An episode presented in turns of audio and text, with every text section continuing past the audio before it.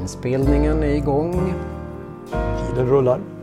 Välkommen till veckans Trendspanarpodd. Idag ska vi prata om ännu ett spännande ämne hämtat ur ett av Nordens trendspanarbrev de senaste veckorna. Vi som pratar är jag, Niklas Lång och Kjell Lindström. Tack för det, tack för det, tack för det. Ja, ämnet den här veckan. Det här, det här är ett lite krångligt intressant ämne Ja. som har med forskning att göra. Ja, verkligen. Akademier och Ja. hela paketet. Det är ju Läkartidningen, denna utmärkta publikation, som eh, eh, har forskat på, eller hittat en undersökning som, och rubriken är följande då. Forskares språk allt krångligare. Forskarspråket tycks ha blivit allt krångligare. Och det beror inte bara, bara på att vetenskapen i sig blivit mer komplicerad. En allmänt vetenskaplig jargong har blivit allt vanligare med tiden. Niklas? Ja, man måste ju säga att de har ju ett underbart underlag. De har suttit och granskat sammanfattningar av vetenskapliga artiklar i hur många? 710 000 stycken. Vilka Från slutet av 1800-talet fram tills idag. Ja. Vilken insats för mänskligheten. Men, men det är ju spännande. Jag skulle ha gissat att språket i artiklarna i slutet av 1800-talet var krångligare än språket i de vetenskapliga artiklarna idag. Ja, Det hade tror jag gissat. Ja, möjligen. Ehm. Så, ja. Men när jag gick forskarutbildningen på min tid, Ja, då läste vi sådana saker som sån forskningshistoria och så. Och då fanns det en diskussion som var att, att uppgiften för forskaren på 1800-talet när allt det här växte fram, det var att förklara världen. Man skulle förklara världen för gemene man. Gemene man skulle genom forskarens insatser få en klarare och begripligare bild, en bättre om allt möjligt ifrån naturvetenskapliga fenomen till sociala. Här, att förklara världen. Ja, och, på den tiden var det ju forskningsförtroende man talade om. Det var, det, man talade inte ens om det för det var så grundmurat självklart. Ja, forskaren var ju hjälte. Ja, och forskningsförakt, det var inte ens Nej, nej, nej, nej, påtänkt. Nej, nej, det gjordes ju filmer med den skräckblandade hjältedyrkan av eh, Frankensteins monsterskapare och sånt där. Det var, det var ju liksom, forskaren kunde åstadkomma vad som helst. Ja. Så, att, Ja. så att i den meningen kan man säga att om, om man skulle utgå från den klassiska eh, idén att man skulle förklara världen och, och en del utav de här, eh, om vi tar mer inom sociologisk eh, litteratur som jag tittat i och läst en del, så är det ju helt uppenbart så att man försöker peka på hur saker och ting hänger ihop. Det är det det går ut på. Och man drar ju till med, med, med kopplingar som ju ingen vettig forskare idag skulle, skulle våga sig på. Därför att man vill, alltså det är lite mer storyn i framkant. Så om man, Ja. om man läser med Durkheim och, och Weber och de här lite, de stod på ordentligt i sitt berättande. Och, så. Ja. och då kan man säga att ja, men det är faktiskt något rätt intressant i det.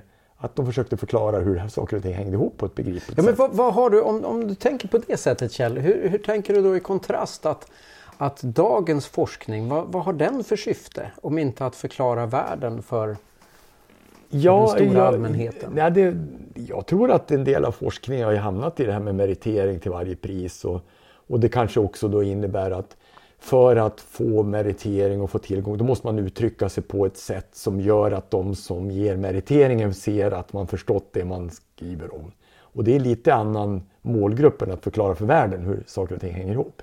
Ja, för då, då handlar det om att man vill förklara för, för den egna lilla gruppen av, av de som verkligen begriper detta lilla begränsade ämne. Ja, Eh, Det är de man vänder sig till Ja, och jag, men- och jag menar fikonspråk finns ju i alla professioner. Jag menar du är ju präst. Va? Det finns ju ett språk ja, som, det som, finns ett som, visst fikonspråk där. där som jag inte alltid hänger med. Och, och jag som beteendevetare kan ju ha ett annat fikonspråk. Så det har ju alltid funnits därför att man är tvungen att ha någon typ av fikonspråk för att man gör för att beskriva det man håller på med och förklara hur man gör. Så, så måste man precisera begreppen. Sen, sen är det ju också intressant det här med professionalisering. Därför att professionalisering handlar ju också om att avgränsa den egna professionen mot andra. Ja. Och, och där är ju språket väldigt viktigt. Jag menar sotarnas knoparmoj är väl bara Ja, ja, ja. den mest klassiska exemplet. Men det finns ju många som helst. Men, men jag tror också att det finns en, en aspekt, en rädsla i att förklara så att andra förstår.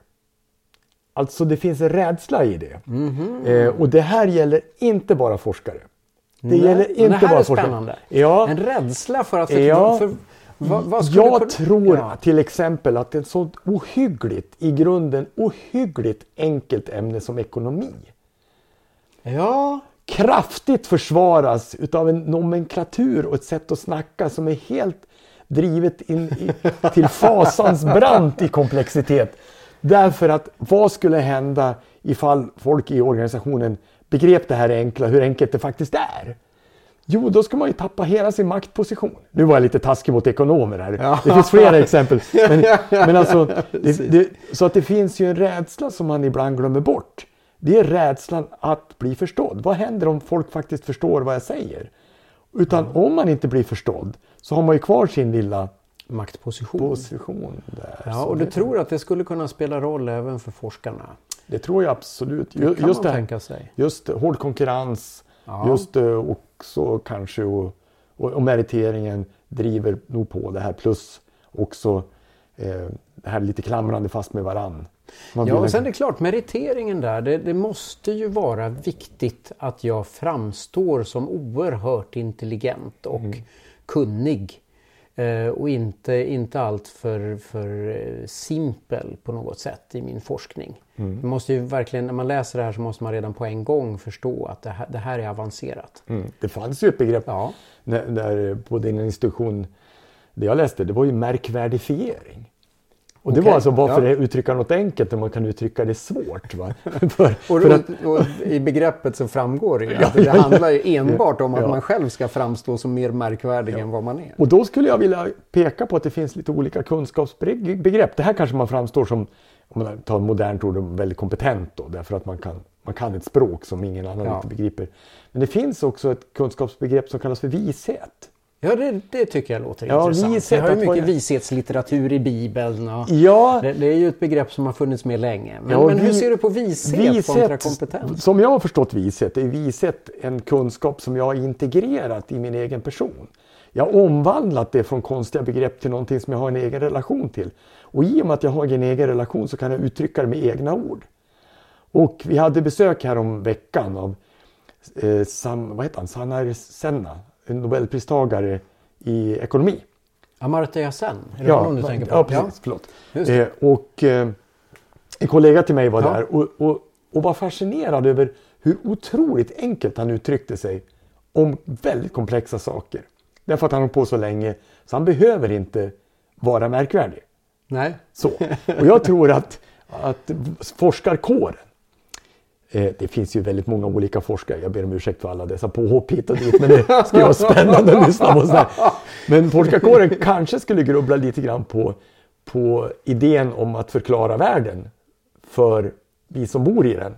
Det skulle vara den ena varianten. Och den andra är att det kanske inte bara handlar om meritering, det handlar om vishet också. Att förmågan att förklara det komplexa på ett enkelt sätt borde också ha ett värde. Och, och där tror jag att, som sagt, inte bara forskare utan andra yrkesgrupper har sprungit lite vilse i sin strävan efter att behålla någon sorts position.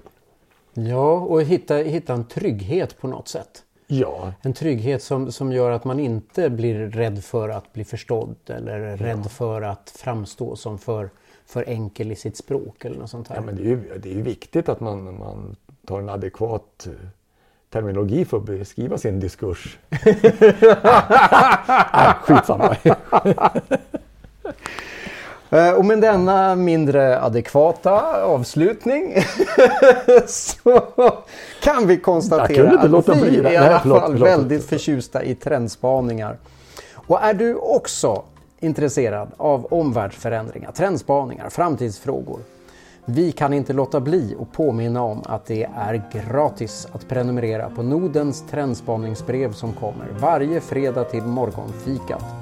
Du kan också anmäla dig till Facebookgruppen Nordens trendspanarnätverk. Där diskuterar vi nya trender hela tiden. Välkommen! Välkommen!